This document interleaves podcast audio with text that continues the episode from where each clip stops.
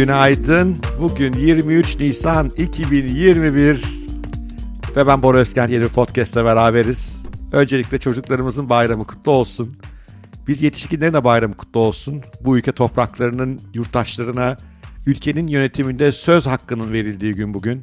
Bugün Yüce Meclis'in kurulduğu gün. Bugün bize o armağan edilen büyük meclisi, o felsefeyi, hakkını veriyor muyuz bunların? Hiç de emin değilim. Bakın doğrusu kutlayamıyoruz bile 23 Nisan'ı. Ama olsun bizim yüreğimizden ne Atatürk sevgisi sökülüp atılır, ne bu millet meclisine olan inancımız sökülüp atılır. Ne kadar yıpransa da devam edecek, bir gün geri dönecek bütün o gücüyle. Bayramınız kutlu olsun, bizim evimiz bayraklarla dolu. İnşallah sizinki de öyledir.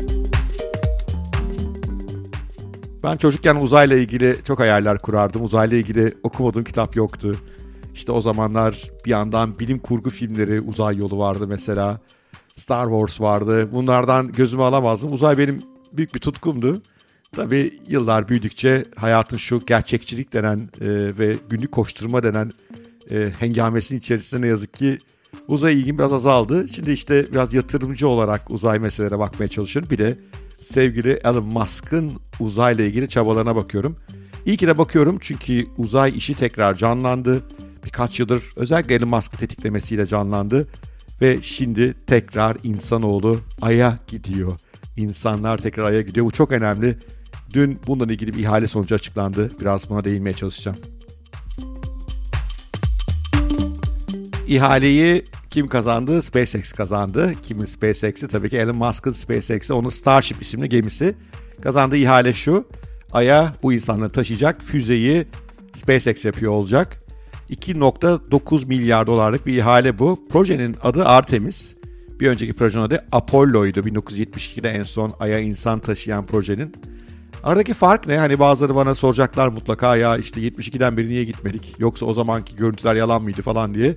Yok değildi bence. Epey bir bu konuda kaynak var. Bunun doğru olduğuna dair siz boş verin komplo teorilerini ama sürdürülemez bir şeydi o dönemki yolculuk. Çünkü aşırı yüksek maliyetlerle ve aşırı tehlikeli çözümler vardı Apollo projesinde. Zaten daha önceki Apollo denemelerinde ölenler de var biliyorsunuz. Ve maliyeti çok yüksekti. O zamanki açıkçası biraz Rusya ile Amerika arasındaki Sidik Savaşı'nın sonucuydu o. O Sidik Savaşı zaten Rusya'nın batmasıyla bitti. Çünkü inanılmaz paralar harcandı bu işe. Geçenlerde okudum artık doğru bilmiyorum. Amerika Birleşik Devletleri'nin gayri safi milli hasılasının %10'u bir ara o Apollo projesine gitmiş. Yani sürdürmesi mümkün olmayan biraz daha sidik yarışmış ve pek de bir amacı da yokmuş aslında o zaman. Ay'a inebilmekmiş tek amaç. Şimdi durum bayağı farklı. Şimdi durumun farklı olmasının sebebi bu işin daha sürdürülebilir hale gelmesi. Hem maliyet hem güvenlik açısından. Maliyet açısından baktığımız zaman tabii 2.9 milyar çok pahalı gözükmüyor aslında değil mi? Bir aya gitmek için ama rakamın tamamı o değil. E, projenin toplam maliyetinin %13'üne denk geliyor diye hesaplıyorlar onu. E çünkü başka bir sürü daha masraf var. E, o aya gidip inmek, orada işte bir süre kalıp sonra geri dönebilmek için. Toplamda 2.9 milyar doların 23 milyar dolarlık bir e, bütçenin bir payı olduğu düşünülüyor. Yine de 23 milyar dolar Amerika Birleşik Devletleri gibi dev bir ülke için çok büyük para değil. Burada işte maliyetlerde ciddi düşme var yani trilyonlarca dolarlık ekonomide 23 milyar doların lafı bile geçmez. Bunun sebebi aslında Elon Musk'ın başlattığı devrim.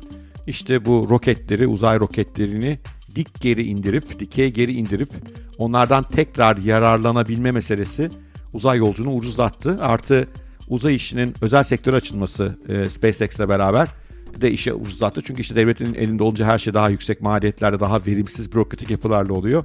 Elon Musk burayı bayağı tepe takla etti. Uzun yıllarlık çabalarını şu anda ürünlerini alıyor. Bir yandan uzaydaki istasyona yolcu taşıyor. Bugün o konuda da bir launch var. Bir e, fırlatma var. Biraz önce LinkedIn profilimde paylaştım e, e, ve Twitter profilimde. E, ve bir yandan da işte bu işi de onlar kaptılar şimdi. Ay'a tekrar insan indirecekler. Ay'a insan indirecekler derken kimler ineceği bu sefer farklı. Daha evvel hep erkekler inmiş, beyaz erkekler. Bu sefer kadın olacak ekipte ve bir de farklı renkten, farklı ırktan bir insan olacak. Muhtemelen siyahi. NASA olayı biraz da böyle bir sembolik girişim olarak da e, düşünüyor. Starship gemisi 2024 yılında öyle umuluyor tabii bu tarihler belli olmaz çünkü bir sürü değişkene bağlı ilk e, ay yolculuğunu yapıyor olacak. Ve düşük maliyetli bir ay yolculuğu hedefliyorlar. Çünkü bunun artık bir rutin haline gelmesini istiyorlar. Şöyle diyor NASA, we are coming for good this time. Bunu Türkçe çevirecek olursak biz bu sefer Ay'a geri dönmemek üzere geliyoruz. Orada bir yerleşim kurmak üzere geliyoruz. Bunun bir sürü sebepleri var. Ee, sebeplerden bir tanesi tabii uzayın daha derinliklerine yapılacak yolculuklar için Ay'ı bir üs olarak kullanma hedefi var. Çünkü biliyorsunuz dünyanın yer çekiminden dolayı bu iş hala çok pahalı. Füzeleri havalandırmak çok pahalı ve zorlu mücadele ve tehlikeli de. Ay'daki yer çekimi dünyanın çok altında olduğu için orada kurulacak bir üssün bunu çok daha ekonomik şekilde ve daha kolayca yapacağı düşünülüyor. Ve bir yandan işte uzayla ilgili pek çok araştırmanın yapılması konusunda da Ay'daki üssün çok faydalı olacağı düşünüyor. O yüzden bunun bir rutine dönüşmesi bekleniyor. Yani nasıl atıyorum Ankara İstanbul arası uçak seferleri var. Bunun da böyle benzer bir rutine dönüşmesi isteniyor. Artemis misyonu veya Artemis programı bence insanoğlunun şu andaki en heyecanlı programlarından bir tanesi. Çünkü bu eğer başarılabilirse, bu bir rutin haline getirilebilirse ve hayal edildiği gibi ayda kalıcı bir yerleşim inşa edilebilirse ki bunların hepsi e, zor işler. Daha hani olup olmayacağını görüyor olacağız. Ama bunlar başarılırsa insanoğlunun uzayla ilişkisi tamamen değişiyor olacak ve yani hep hayal edilen Mars yolculuğu projesi de çok daha kolay hale geliyor olacak. E, bu projede SpaceX, e, Elon Musk aynı zamanda en büyük rakibi olan Amazon'un Blue Origin'e yani Jeff Bezos'un sahip olduğu Amazon'un sahip olduğu Blue Origin yerinde bir de Dynetics diye bir firma vardı. E, bu tabi SpaceX'in aslında ne kadar kuvvetli bir firmaya dönüştüğünü ve Amerika'da ne kadar güven uyandırdığını görmek açısından da heyecan verici. Evet, bugün böyle kısa bir podcast yapmak istedim. Çocukluk günlerime gittim 23 Nisan'da. Keşke biz gidiyor olabilsek. Bizim de bir projemiz var devletimizin açıkladığı.